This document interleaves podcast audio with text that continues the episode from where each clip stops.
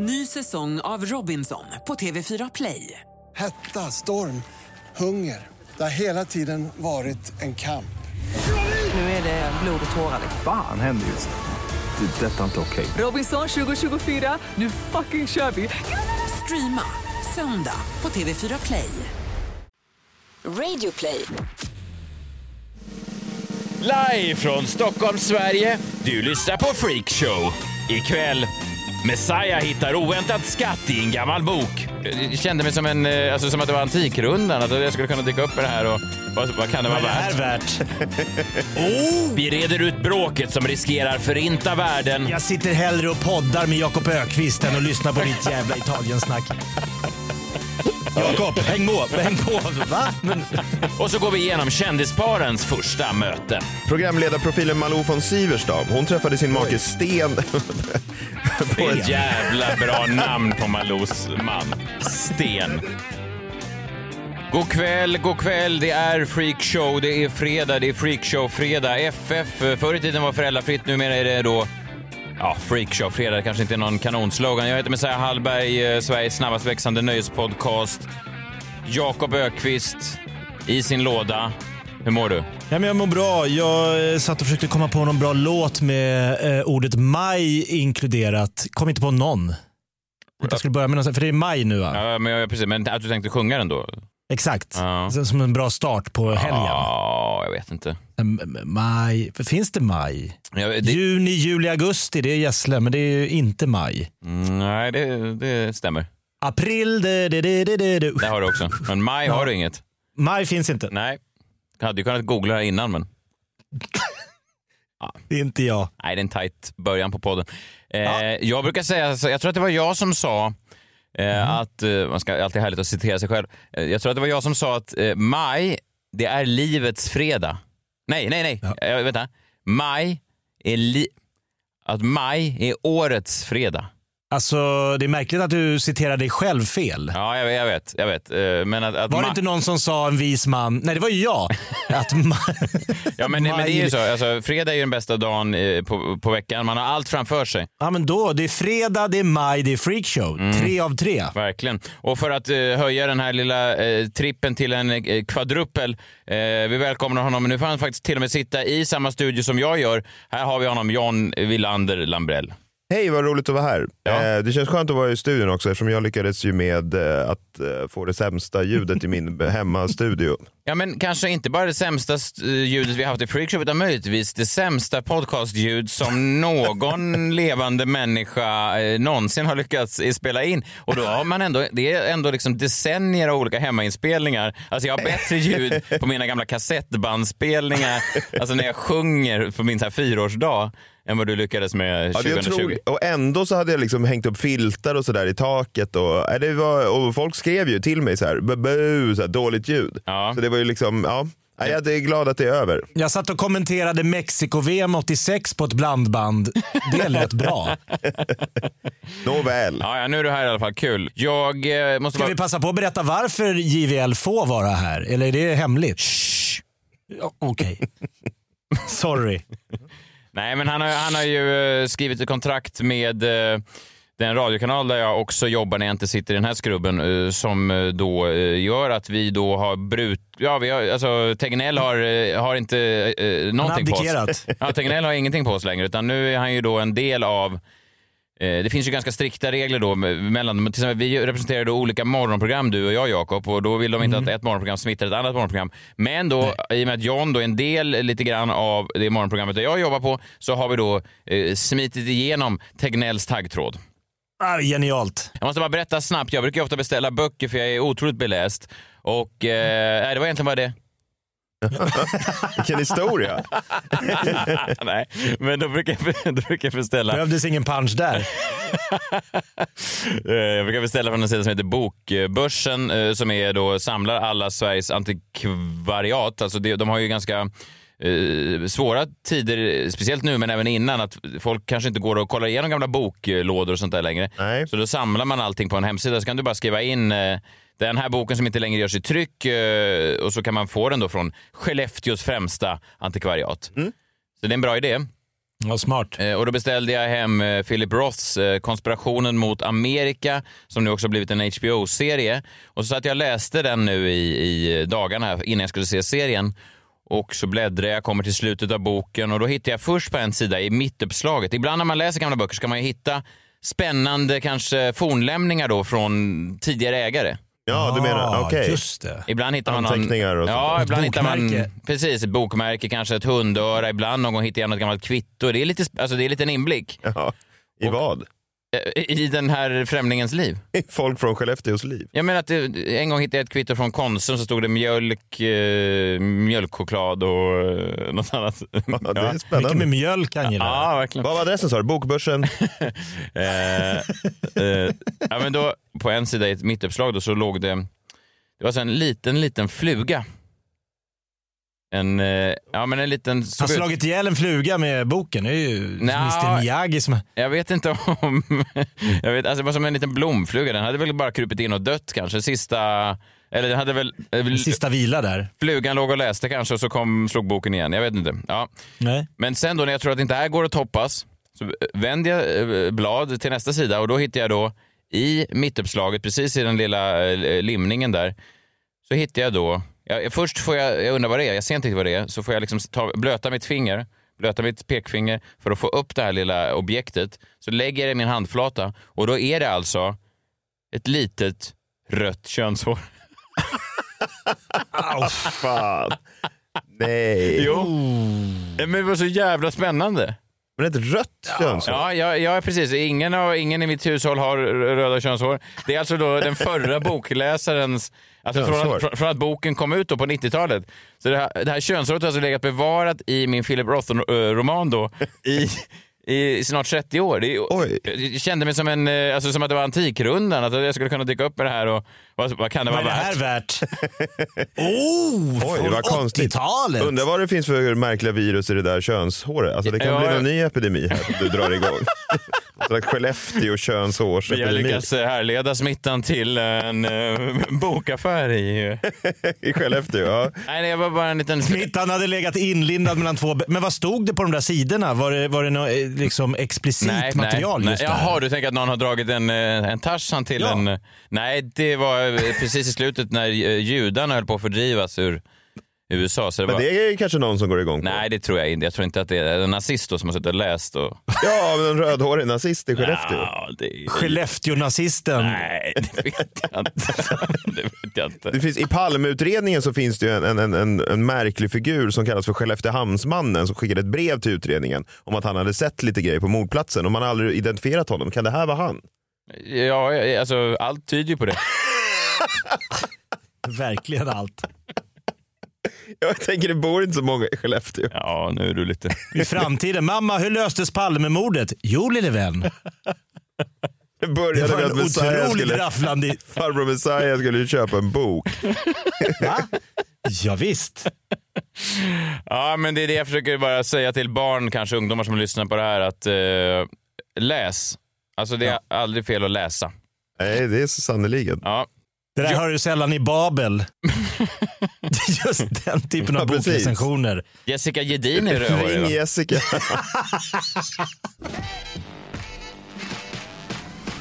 Freakshow presenteras denna vecka i samarbete med Enkla Elbolaget. Enkla Elbolaget, Jakob, det är alltså deras grej det är att de vill att el ska vara krångelfritt. Det är därför de heter då Enkla Elbolaget. Till exempel om de hade velat att det skulle vara krångligt så hade de hetat då kanske Krångliga Elbolaget eller Svårförståeliga Elbolaget eller Komplicerade Elbolaget. Nej, det är det inte alls, utan det här är då Enkla Elbolaget.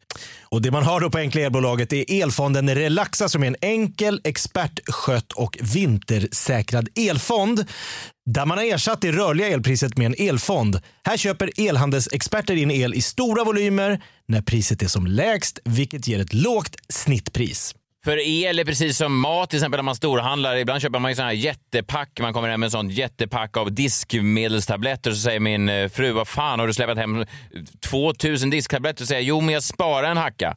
Så är, det med el, Exakt. så är det med el också, förutom att man då inte behöver förvara elen eh, under diskhon eller i någon bod eller någonting.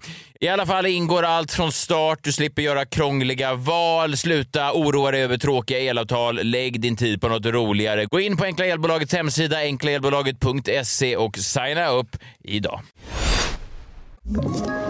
Ett poddtips från Podplay. I fallen jag aldrig glömmer djupdyker Hasse Aro i arbetet bakom några av Sveriges mest uppseendeväckande brottsutredningar. Går vi in med hemlig telefonavlyssning och, och då upplever vi att vi får en total förändring av hans beteende. Vad är det som händer nu? Vem är det som läcker? Och så säger han att jag är kriminell, jag har varit kriminell i hela mitt liv men att mörda ett barn, där går min gräns. Nya säsongen av Fallen jag aldrig glömmer på Podplay. Vad tänkte du prata om idag, Jakob? Men jag tänkte kolla med er två om ni har några favoritkändisbråk. Mm. Ja, jag gillar ju, alltså, eh, jag tycker det är lite synd, men jag tycker ju Liam och Noel Gallagher, bröderna i Oasis, jag tycker att det är lite synd då eh, att de aldrig att jag aldrig får gå på en sån där gubbåterföreningskonsert där Oasis återuppstår för att de inte kan hålla sig från att eh, ja, men Kasta tjafsa. skit på varandra. Nej, men att det går liksom inte. De har inte sett varandra på tio år. Och det är ju, deras språk är liksom, det kommer alltid ny bensin på elden. De är bra uppehållna. Nu senast var det, det var bara någon vecka sedan när Noel släppte en gammal Oasis-låt, osläppt. Mm. Eh, och så visade det sig att Liam var inte ens med på den. Nej. Och då blev han väldigt arg. Ja, han skrev bara 15 000 Z att han höll på att somna när den här låten kom. Tydligt. Ja. Ja, men vi har ju bröderna Gallagher där. Har du JVL, vilka... Eh, nej, men det jag tror... Har du något tips? Paris Hilton versus Nicole Richie. Men vad var det ju... för bråk? Nej, Paris Hilton anklagade Nicole Richie för att ha visat eh, sexfilmen för eh, massa, massa främlingar och folk och vänner. Och att, eh, Var det hon som läckte den filmen? det här var, alltså för er som inte riktigt var med, men alltså tidigt 2000-tal, det här var the shit. Nicole Richie och Paris Hilton, de åkte runt i den här Simple Life. Ja, det var en såpan. stor serie. Jag visste inte att de blev såna ovänner sen. Hatar varandra. Runt eh, 2003 så var ju den the talk of the TV town. Alltså det var ju då, eh, man tyckte ju också att det var lite, det var ju någonting nytt den här typen av it-blondin liksom som, som bara eh, gick runt och, och eh, levde egentligen från nattklubb till nattklubb. Det var ju sociala medier innan sociala medier. Alla sa det, men vad är de kända för? Ja, exakt. De Ja. var influencers innan, de, innan influencern fanns. Precis så. Åkte runt i någon realityserie och skulle liksom se det riktiga USA. För de kom ju liksom från silversked i munnen, bott på lyxhotell i Beverly Hills eller New York. Och så åkte de runt i såna här Midwest-städer. Sådana som ni brukar besöka ibland på era wrestlingresor. Ja, Just det. blir inte samma uppståndelse när jag och John dyker upp. Men, men eh, då, hon var ju då eh, verkligen i ropet och sen så kom det då en sexfilm där hon hade sex med en man då som samtidigt var gift tror jag med Shannon Doherty. Just det, Rick Solomon, regissör. Känd då från Beverly Hills, eh, spelade eh, Brenda i, i Beverly Hills. Så att medan hon satt hemma och väntade så spelade Paris Hilton in då en sexfilm med hennes man. Sen läckte då den här filmen, eh, spreds över hela världen och då ska alltså Nicole Richie, hennes dåvarande bästa kompis, ha visat upp den som någon slags partytrick då eller? Ja, det är mörkt. Det är, ing, det, är ingen, det är ingen kompis som gör så va? Det, nej, Nej. det får man ju. Alltså det är en konstig grej också på en... Alltså kolla här vad jag har. Alltså att jag Vem går är det? runt. Det är min kompis. det är Jakob. Kolla här när han, eh, vad han, har, vad han, hur han Den ser är på ut. frugan. Ja, fast det, Han, li, han ligger med hon som är ihop med han i Skilda Världar. Nej, det är svajigt, men det, det är bråkigt. Ehm, andra bråk som vi kanske... I Sverige känns det mer som att det är de här kulturmännen som har drabbat samman. Det är inte så mycket kändistjejer, ja men de kan kasta skit på varandra, men just det här kulturmän som, det, är för, det, två, det, det får inte plats två kulturmän i samma, Stjärnorna på slottet har jag innehållit många infekterade bråk till exempel. Just det, men sen hade ju också Kalle Schulman och Filip Hammar hade ju ett ganska uppfriskande bråk. Det, kan, det är nog min favorit. Det var ju att eh, Filip Hammar kallade... de om? Filip Hammar kallade ju den här prinsessan Sofia, hennes charity då, någon Afrika-grej för en överklass-charity. Vidrig överklass-charity. Och då... Och Kalle Schulmans PR-byrå var inblandad. Ja, ja någonting, Jo, ja, så, så någonting var var det. Ja. någonting var det, och då så skrev, det. kallade han honom för vraket Hammar. Att alla vet att han är ett stort vrak. Men det var, ju- det var lite hetsigt, men jag tror att de har, de har grävt ner sin eh, stridsyxa va? Ja. Ja, och sen eh, kanske det kändaste bråket i Stjärnorna på slottet då, det var ju när Staffan Scheja, det tänker man sig inte är någon stridbar man, men han tvingade Jonas Gardell att spela fiol. Eh, och det tyckte inte det. Gardell, han tyckte inte det var jätteroligt. Det var roligt. Och Gardell är ändå, jag gillar, det är lite ruter i honom. Han sitter inte och håller inne på ilskan utan så här lät det. Tyvärr, tyvärr måste jag avbryta. Det låter fantastiskt. Nu kommer Låter som Berlinfilharmonin. När vi hade kommit så långt. Ja, nu gick det blev rätt. Nu är det så här. Nu ses vi igen klockan 18.30. Då ska vi ha en liten konsert inför publik. Kan jag fråga en sak? Ja. Du som pratar så mycket om integritet och du tvekar att vara med i det här programmet på grund av integritet och allt sammans. Varför utsätter du oss för det här förnedrande larvet med den här människan? Men, Jag är så förnedrad av det här och jag tycker du är så hemsk som utsatt oss för detta. Jag tycker det är verkligen, verkligen jobbigt. Får jag säga det? Och att du har mage att prata om integritet. Och du har mage att prata om trams. Det här är så tramsigt och så förnedrande. Jag spelar mycket hellre frisbee med Janne Loffe Karlsson att göra någonting som tangerar någonting som ert yrkesliv som jag är faktiskt är duktig på. Jag känner mig jättebesviken på dig. Ja, okej. Jag är Jag, tro, jag trodde det var svårt för mig att veta hur, hur vi skulle Men vi ses klockan sex eller när det var, vilken tid det var. Så är vi där, snofsigt klädda. Nu går jag. Hej så länge ja, det är ju värt en sortiapplåd. Vara tydlig här med att Janne Loffe Karlsson sitter i rummet under hela tiden. Han förnedrar ju honom i sin tur. Alltså, Jag gör en massa skit. Jag går genomgår vilken skit. Till och med spelar jag hellre frisbee med Janne Loffe Karlsson. Klipp till Janne Loffe Karlsson som sitter där och... Ja, Okej. Den där förbannade Janne Loffe. Jag skulle ju till och med så, så lågt kan jag sänka mig. ingen violinkonsert, det kan inte Loffe spela utan det blir frisbee Ja, de försöker hitta någonting som Janne Loffe kan... eh, ja. Frisbee är nästan bland de enklaste saker man kan göra. Ja, det, Jag gillar också att Staffan Scheja som har tagit in den här, någon hovdirigent där. Det är den här männi- med den här människan också. Jag gillar den lilla härskartekniken. Det är en bra utstormning. Det är svårt att få till en bra utstormning. Alltså, om jag bara skulle gå ut ur studion här så skulle inte det få samma effekt. Jag stormade ut ur eh, ett möte vi hade på min radiokanal för ett tag sedan. Jag vet inte varför, jag blev så jävla förbannad. Jag tyckte att vår producent, hon trodde inte att min eh, flickvän hade vuxit upp i Italien. Och jag vet inte varför jag blev så, jag vet inte varför jag blev så uh, arg. Jag kände hur det kokade. Så jag gjorde alltså en Jonas Gardell-outro. Vi satt vid ett runt bord och så plötsligt så sa jag bara nej, det var det för mig. Så tog jag, slog ihop min dator, reste mig upp, uh, klädde på mig och rusade ner då i kaféet eh, här på Bauer Media.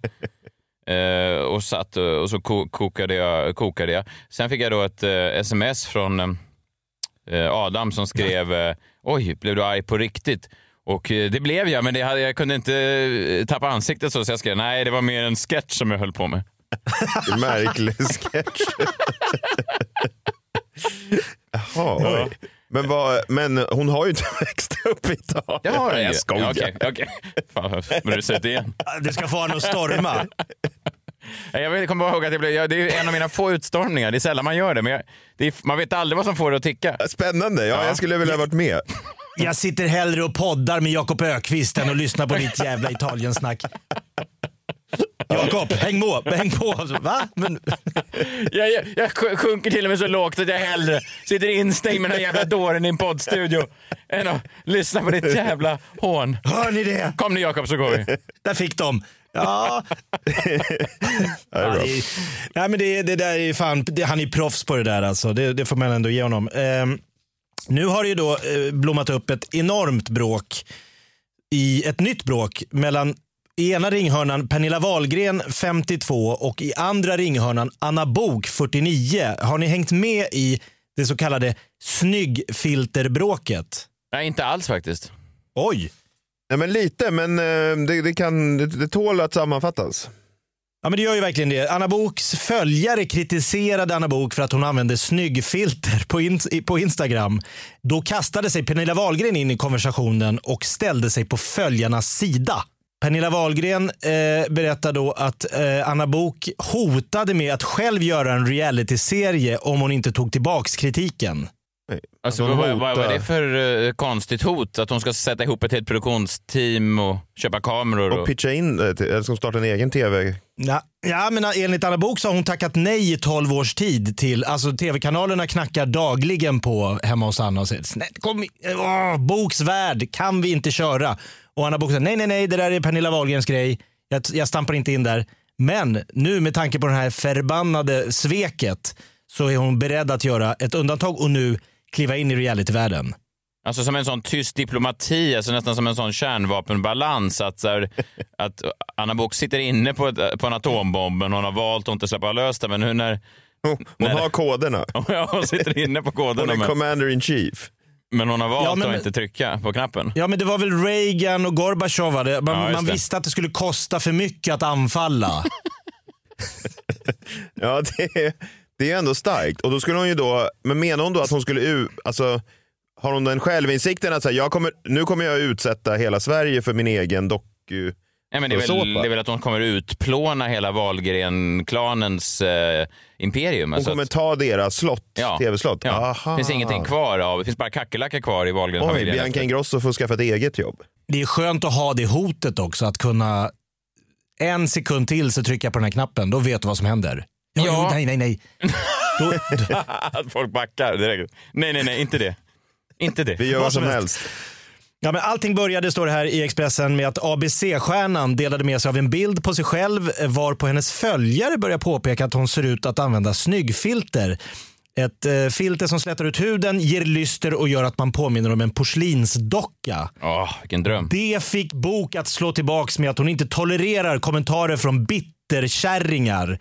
Och att hon har en naturligt slät hy tack vare att hon aldrig rökt, druckit, är noga med fuktgivande kräm sa- samt att hon är lyckligt gift och har ett bra kärleksliv. Ja, fick in Hon mycket där. förklarar, ja, hon förklarar också den utslätade effekten med att en del av hennes bilder är tagen med en trasig mobiltelefon. Ja, det är ju bästa melodin för att få en riktigt bra bild. Vadå, så ju, ju mer trasiga mobiltelefoner desto snyggare blir man? Ja, men det tror jag har sagt till Messiah. Jävlar vad snygg du var på den här bilden. Ja, ja, iPhonen är helt paj. Den funkar inte alls. Ja, Det är en helt annan på bilden. Det låter rimligt. Ja, och grejen, då började det bråkas i hennes kommentarsfält ehm, och eh, folk skrev ja men du har ju filter. Nej det har jag inte. Fram och tillbaka, fram och tillbaka. Helt plötsligt så kan Pernilla Wahlgren inte låta bli att hoppa in. Utan då skriver hon i det här kommentarsfältet, men snälla nu måste jag reagera. Alltså hon orkar inte längre. Trots att hon vet om det här hotet om vad som kan hända. Ja, men alltså till slut så blir väl en nations gränser så... Alltså, man känner att ja, om ni ska gå in här med era soldater, då, då måste jag... Trots att jag, ni har kärnvapen så, så vet jag att jag måste sätta ner foten. Jag måste stå upp för mitt lands överlevnad. Till slut ja, så, så, så, så, så offrar du allt Ja. för det du tror på. Ja, Ja, det är ändå... Så kände Pernilla Wahlgren. Det är väldigt Hon- starkt. Ja, men det är stort. Och hon skriver det är helt okej att använda olika filter om man tycker det är kul. Men då eh, får man ta att vissa ser det och gör kommentarer och står för det. Vissa av di- dina bilder har ju hittepåfilter som barn mest brukar använda. Och Det får man ju använda om man tycker att det är kul. Men det är oerhört viktigt att vi också vågar visa oss som oss själva ibland. Men- men- utan filter. Men vadå barnfel? Alltså har hon så här konstiga kaninöron och hundtunga? Och så där. Det, jag har inte gjort någonting med det här. Det är helt naturligt. Jag har sådana här hundöron. Och det är stjärnor som glittrar i pannan. Ja, men du har ju inte Anna Bok sett bilderna för skärmen är ju trasig så hon ser ju inte själv hur det blir. Så det kan vara som den här eh, katolska prästen som höll mässa med något instafilter där det regnade hjärtan. Han visste inte att han hade dragit på några jävla filter och Damino och vad, vad, jäklar vad är det som syns där? Det kan vara så det har hänt. Och sen fortsätter Pernilla Wahlgren att det är gulligt med roligt filter, det är kul att använda ibland, men det är bättre att svara att man gör det än att ljuga och kalla folk för bitterkärringar. Mm. Visst, det en Då, poäng. men då svarar Anna Bok tydligen har vissa lite svårt för sanningen. Och återigen ska jag tydligen finna mig i att bli kallad lögnare. Så jag säger som jag ofta gjort förut. Man dömer eller känner andra efter sig själv. Och snälla lämna mig utanför. Jag är inte intresserad av drama. Och så la hon till hashtaggen Do you need me for publicity? Do you need me for publicity? Det, en, Det rimmar. det är ju Ja, inte det är en... Eh, vi ska se här hur, hur många är det som eh, använder sig av just den hashtaggen. Vilk- det- Ja, hur stor är det? Trendaren? Do you need me Det är en bra line. for... Pa- Det är jo, en, ja, det är en låt. Ja, det är en låt. Det är Anna Boks, alltså det är uppföljaren till ABC. Vi ska se här, jag ska visa här nu. 30 år emellan. Jag vänder min mobil nu. Det finns en sån hashtag, do you need me from publicity? Det är färre än 100 inlägg ska vi säga. Och jag visar här nu skärmen för John med alla in inlägg som använder sig av hashtaggen do you need me for publicity. Det, det är en, Ett starkt inlägg. en bild på Anna, Anna Bok. Men det är ju, hon borde trademarka den, copyrighta den. Eh, linen. Det är en ny, hon har väl liksom, hon har inte riktigt haft någon, någon framgångsrik låt sen eh, ABC väl. Nej, alltså man kan väl också, alltså om man tittar på den här bilden då, eh, John, den är ju, den ser ju, alltså en, eh, en amatör, hur skulle du beskriva, alltså det ser ju ut som att den är bearbetad på Ja, något det, sätt. ja, det gör det. ser- Det, är ju det här snyggfiltret helt enkelt. Hon glänser ju och det är ju inte, man ser ju knappt huden. Alltså, annars brukar man ju se, eh, det, här, det, är, det är väldigt överslätat. Mm. Och den är ju, men jag, jag tycker att det där är bra. Mm. Om man får välja lite sida här och ta, göra någon värdering. Jag tycker det har gått inflation i liksom att nu kändisar och lite så här, eh, ja, men även så här fotbollsstjärnor och sådär som man är trött på att se dem i deras så här Zoom-vardagsrum. Alltså med någon dålig belysning och lite sådär. Man vill se dem lite stylade. Så jag, jag står på Anna Boks sida i det här. Jag tycker det låter som en Roxette-låt. Do you need me for publicity? Ja. Ja. Do you need me for publicity? Ja, det Shaping svänger. it up on your... Så, Ja, man kanske kan jobba lite på melodin där, men eh, den låter bra. Ja, det är någonting. Hon har fan hittat en uppföljare till ABC. Det är också stort. Hon skriver då, eh, Anna Bok, att eh, hon förstår inte varför eh, Anna, hon är förbryllad över Pernilla Wahlgrens kommentar. Att bli kallad saker och ting och anklagad på det här sättet. Jag bara undrar, vad har hon för befogenheter och vad är hennes syfte? Vad har Pernilla Wahlgren för befogenheter att gå in och kommentera den här bilden där bråket om eh, snyggfilter eller inte blossar?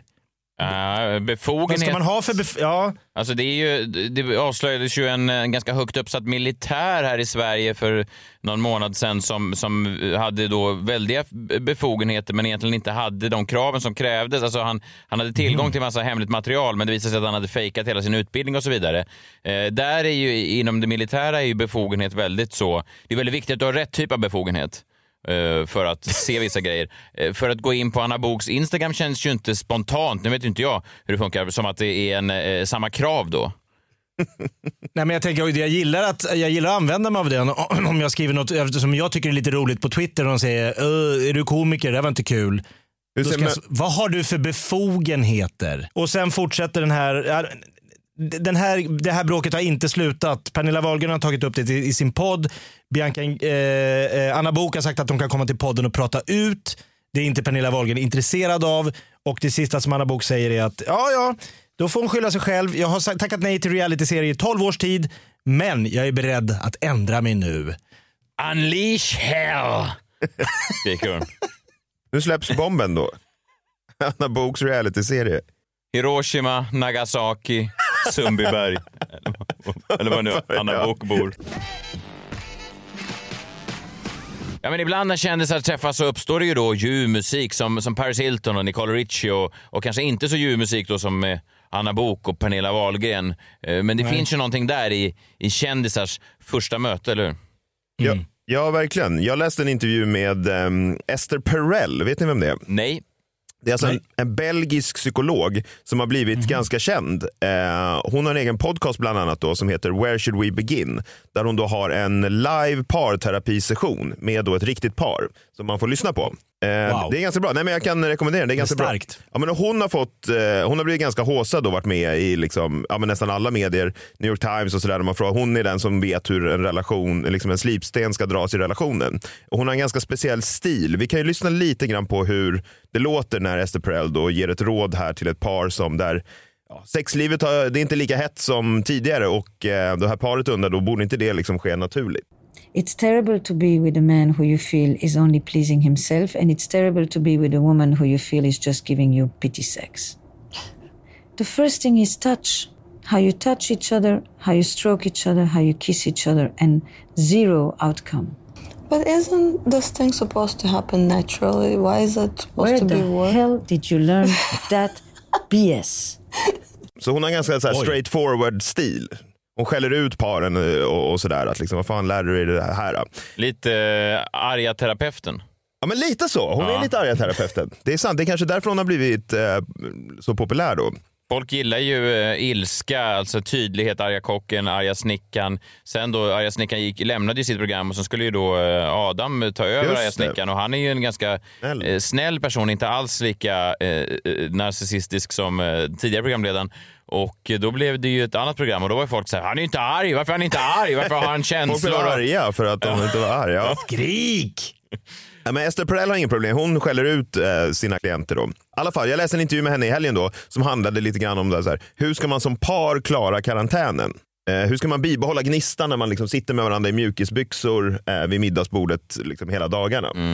Eh, Dygnet runt, ja. Ja, det kan ju vara lite svårt då. Och hennes främsta tips, eh, som kanske lyssnarna här kan ta del av om man känner igen sig, är att prata om hur ni träffades. Alltså berätta historien om er inledning som par. Alltså att, att man ska eh, minnas, ta en trip down memory lane, att man ska gå tillbaka med den man älskar då och, Ja, och berätta försöka- den historien tillsammans. Hur vi träffades, att det oftast var, att det får gärna vara lite roligt då. Eh, hur man träffades, att det ska stärka relationen då på något sätt. Men Messiah och Jakob, hur träffade ni era tjejer? Hallå? Ja, ja. ja. Jakob, du- du, Hallå, tar du är den här, något som är... Det är inte så rosenskimrande tyvärr. Eller det är ju, ja, men det här, vi träffades ju, jag jobbade ju med Özz Nujen på Ängelens teatersportturnering och min fru stod i publiken. Redan här så... Ja, ja okej. Det här. Ja, Okej, så- är det det vi ska ta upp där Nej, i är karantän? alltså, alltså att Öss och du stod och skämtade och hon stod i publiken och... Och Vi drev med henne och, och jag sa något. Okej. Har du varit med en kurd någon gång? Har du legat med en kurd? Kom, kom, kom. Ja, det var din pick, pick-up line. Ja, så han började ragga på henne och så tänkte jag, ja, det här kan bli något. Ja, just det. Ja. Hon Det hade ju- tre barn och bor i Nacka, så det, du ser vad som kan... En konstig... Eh, nej, det är inte konstig, man ska inte döma, men det är en speciell inledning. Eh, jag och min eh, tjej, vi, vi jobbade ihop. Det var ju lite flörtig stämning. Jag sände ju ut väldigt mycket signaler till alla på mitt arbete när jag var ung. Jag, hade ju en, jag var ju polyamorös. Va? Jag var ju, äh, det var ju, kvinnorna ville ju ha en del av kakan så att säga. Det var ju, man var ju, jag hade ju hockeyfrisyr på den tiden. Och, och Ja, det var inte bara din blivande fru som du Nej, här, stod det och var- signalerade. nej. Du signalerade lite till höger och vänster. Det var, ja verkligen. Det var ju alltså, Oj. det var ju, jag var ju ung, viril, eh, hade på såna eh, ärmlösa hoodies på mig. Jaha, det var så pass? Ja visst, så det var ju, men eh, och sen så någon firmafest så stod och spelade fussball, det här spelet som de hade i Vänner också, du vet en sån här gammal med såna döda gubbar som man drar i spakar och så sparkar de. Eh, ja, men de ser ja. ut som döda gubbar, de ser ut som lik som, som sitter fastspända på en pinne. Och... Eh, så, så, så, Var det din öppningsline? Nej men så sa min, eh, min tjej sen då, hon sa så här, eh, ja vi vet båda hur det här kommer att sluta. Och jag tyckte det var en sån, eh, en sån härlig line. Va? Jag blev så eh, äggad av den eh, kommentaren. Jag tyckte den var så, den öppnade, i mitt huvud så var det ju nästan en antydan, en sexuell eh, antydan. Hon kanske tänkte på något helt annat. Alltså, hon kanske tänkte på att jag Att kommer- hon skulle vinna Ja här exakt, jag, hade, jag läste kanske in mer i det än vad det egentligen betydde. Men jag, jag tyckte att det var en härlig line. Ja. Ja, vi vet båda hur det här kommer sluta. Jag kommer slå dig i döda gubbar-spelet. Ja, det är inte li- ja. Men jag, tycker båda de här historierna är ju, det här är ju ändå bra historier. Om ni berättar är den här, intressant. Ja, men om ni berättar den här för varandra, eh, par, alltså med era tjejer då i karantänen så kanske det kan hetta till lite. För när, när Esther Perel sa det här så kommer jag att tänka på ett Seinfeld-avsnitt i säsong tre. Där Jerry då har träffat en tjej efter att hon har kört in i en bil utan att lämna någon lapp. Han ska vara liksom en, en good samaritan som avsnittet heter och då säga till henne, men hon är så snygg. Så istället så bjuder han ut henne. Eh, Och vi kan lyssna lite här för jag tror att det är precis som George säger här. Hey, hey, hey, hey. I dig. Oh, you dig? Yes. I see enormous potential here. Why? Because great couples always have a great story about how they met. That's why I've never been in a long term relationship. I never had a good meeting story. Det där tror jag att det, att det ligger någonting i. Ja, en bra eh, story. Det men behövs då- något spännande i början. Det kan inte bara liksom vara någon, att man har blivit ihoptussad av polarna. Nej, eller så här, en bra meeting story gör att förhållandet håller längre. Ja, eh, absolut. Men då skulle jag ju kunna hävda att kanske att möta någon på jobbet inte är sådär så att folk trillar av. Det är inte att folk säger så här, berätt, nej, berätta det igen. Nej, för att Dra det där med häst." de, alltså de där döda gubbarna och den där kommentaren, det är ju lite, det är inte bara att ni satt vid ett skrivbord och liksom...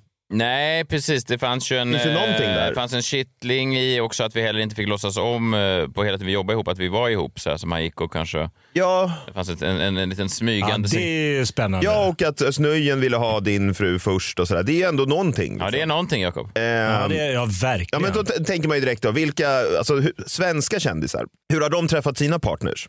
Jag eh, höjer ett varningens finger redan här, för jag misstänker att de flesta, hoppas jag inte förstör din spaning här nu, men jag misstänker att de flesta, oavsett vilket tråkigt jävla sätt de träffades på, eh, försöker lägga in något unikt i mötet, för det gör folk som är ihop en längre tid, att de hyllar sin partner. Så här, ja, Rickard, eh, ganska sjuk historia. Vi... Eh, jag satt ju vid ett drinkbord och då kom Rickard fram och frågade om jag ville dansa. Och det är jävla sjukt!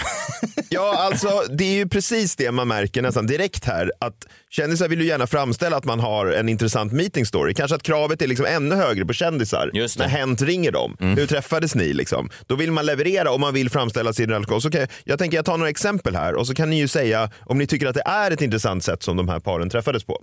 Alltså om de har en bra meeting story. Och här, kanske så här, vilka kommer att vara ihop längst? Ja. Ni får recensera mötet. Ja, exakt. Eh, så vi börjar med Vera Vitali. Just det, duktig skådis Alltså, från hon- Bonusfamiljen.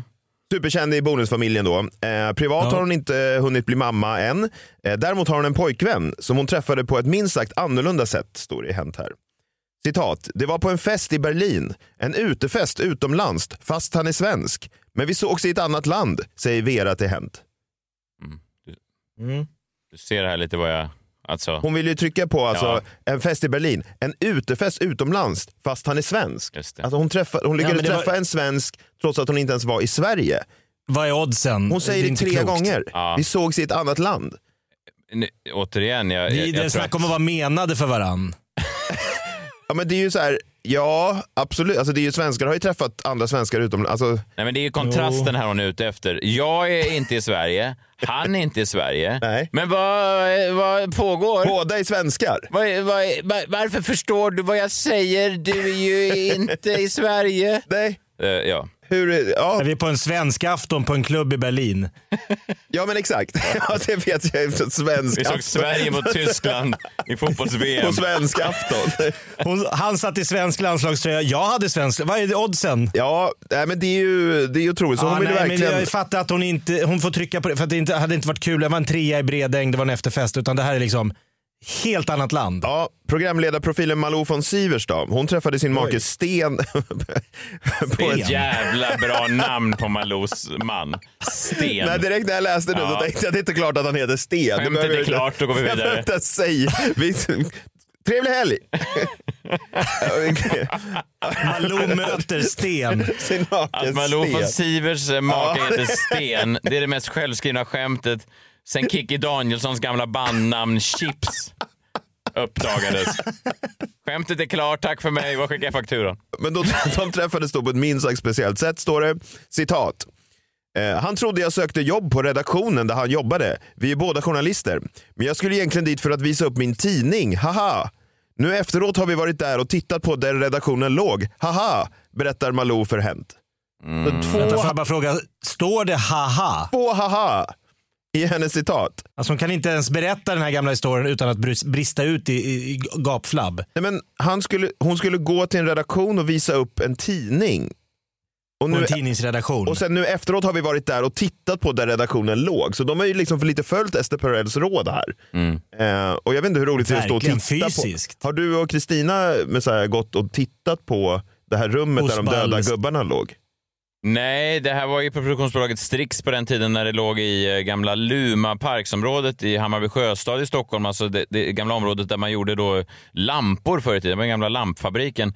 Och eh, nej, jag tror inte jag har varit i Hammarby sjöstad sen, sen dess. Alltså det här är många år Ja, sedan. det där, måste ni, där har ni ju fantastisk utflyktsmål. Ja, det kan ju vara ett tips då kanske. Deppigt på något sätt. Eh, tänkte ta två, eh, ett, ta ett, ett exempel till här. Mm. Eh, ett svenskt power couple Ida Warg och Alexander Pärleros. Wow, verkligen. Alltså, alltså, Power är det jag tänker på Alltså, jag... de är, man kan säga att de är Sveriges Bill och Melinda Gates. Ungefär. Ja, precis. Verkligen. Om eh, Bill Gates hade en, en podcast, eh, en filosofisk podcast. Ja, de är influencers och företagare och allt möjligt. Framgångsrik. Liksom. Mm. Eh, De har en podcast tillsammans då som heter Sånt är livet. Och där har de titulerat ett avsnitt då, Så träffades vi.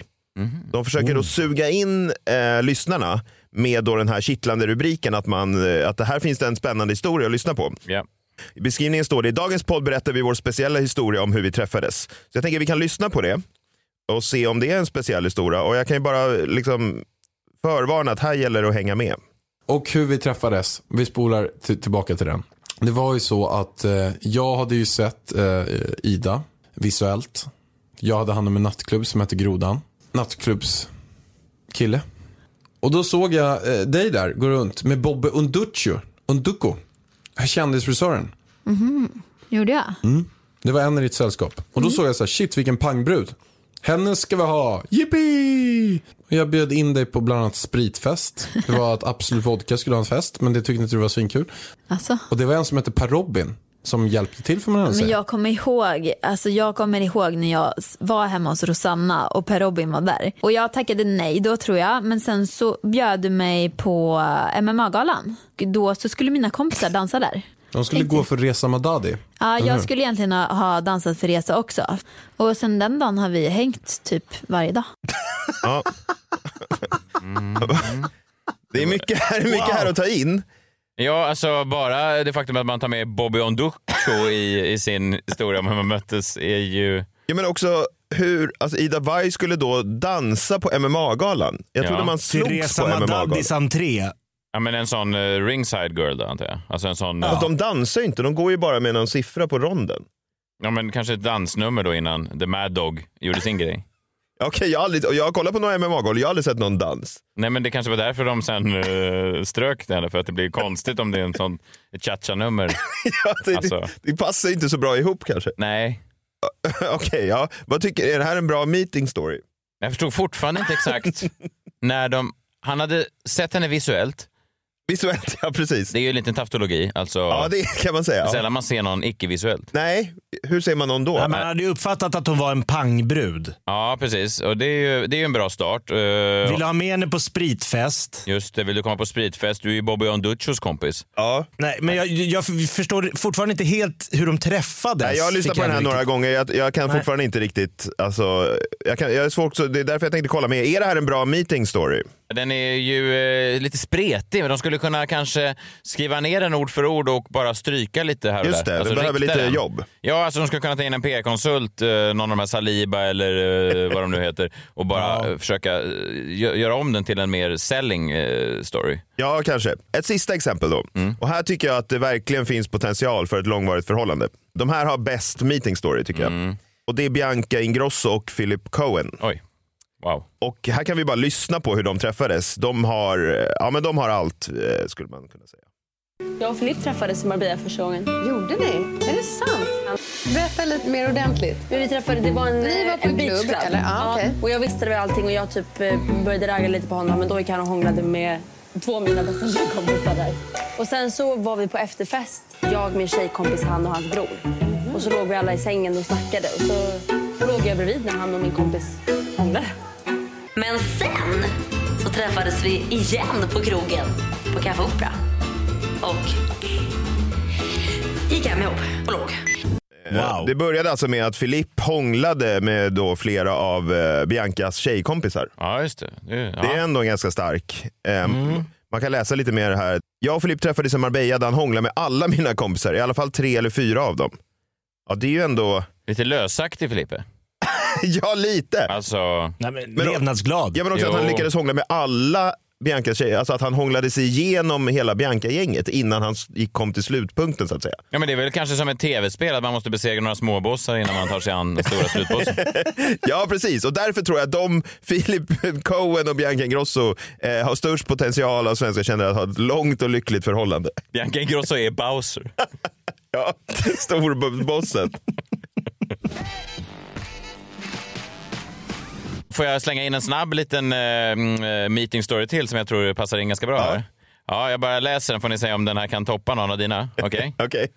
Jakob, Jakob är du med också för det här är, den Ja, är stark. Den här är mer, den här är mer Hemingwaysk. Det finns ju en sån Är det klassisk... kändisar inblandade? Ja, det är det. Det finns ju då en klassisk eh, text av Hemingway som egentligen bara är sex ord. Alltså man, det beskrivs då som världens kortaste eh, roman, alltså världens kortaste berättelse egentligen. Och den har då eh, Hemingway skrivit och den är då For sale, colon, baby shoes, punkt, never worn, punkt. Ja, starkt. Ja, det är starkt. Alltså världens kortaste eh, eh, roman då. Och det här är då kanske världens kortaste och mest effektiva meeting story. Jag tror att den faktiskt kan ta sig in på din lista John. Spännande. Ja. Mm. Kan det vara bättre än Filippo och Bianca? Den är i alla fall mer eh, direkt, okej?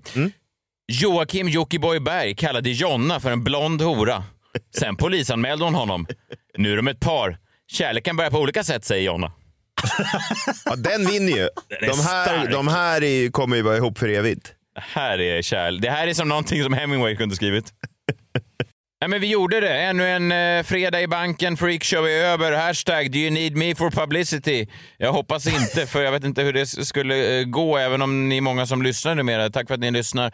Vi eh, är såklart tacksamma för alla som hör av sig. Det eh, betyder mycket för oss. Den här lilla podcasten som började en gång i tiden som ett litet, litet hobbyprojekt för mig och Jakob när vi satt eh, kring ett pingpongbord och, och bara spelade med olika döda gubbar. Och nu, eh, nu står vi här på, på toppen av berget. Otroligt. Ja, vilken resa. Wow. Och jag vet du vad? Nej. Jag har faktiskt kommit på en eh, låt som innehåller ordet maj. Okej. Jaha. Det tog ett helt avsnitt, 51, fem, ja, nä- nästan en timme tog det. Jag har suttit och tänkt och tänkt och tänkt. Men ni minns, det är en klassiker. Att jag Ja. inte så, ibland är det för, det är för, det är liksom för nära så att det ska, man ska liksom se det. Men ni min- I did it my way. Ja, Jakob, det är inte... Va? De sjunger ju inte, det är inte, det är inte månaden. De. Ja, den funkar inte. Jag får googla vidare. Ja, vi får göra det. Vi hörs nästa vecka. Hej! Hej då!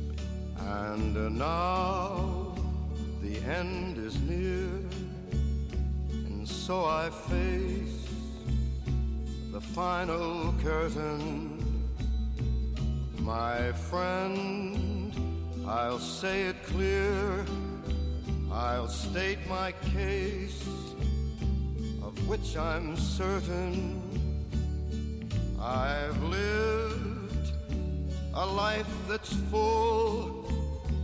I traveled each and every highway and more, much more than this.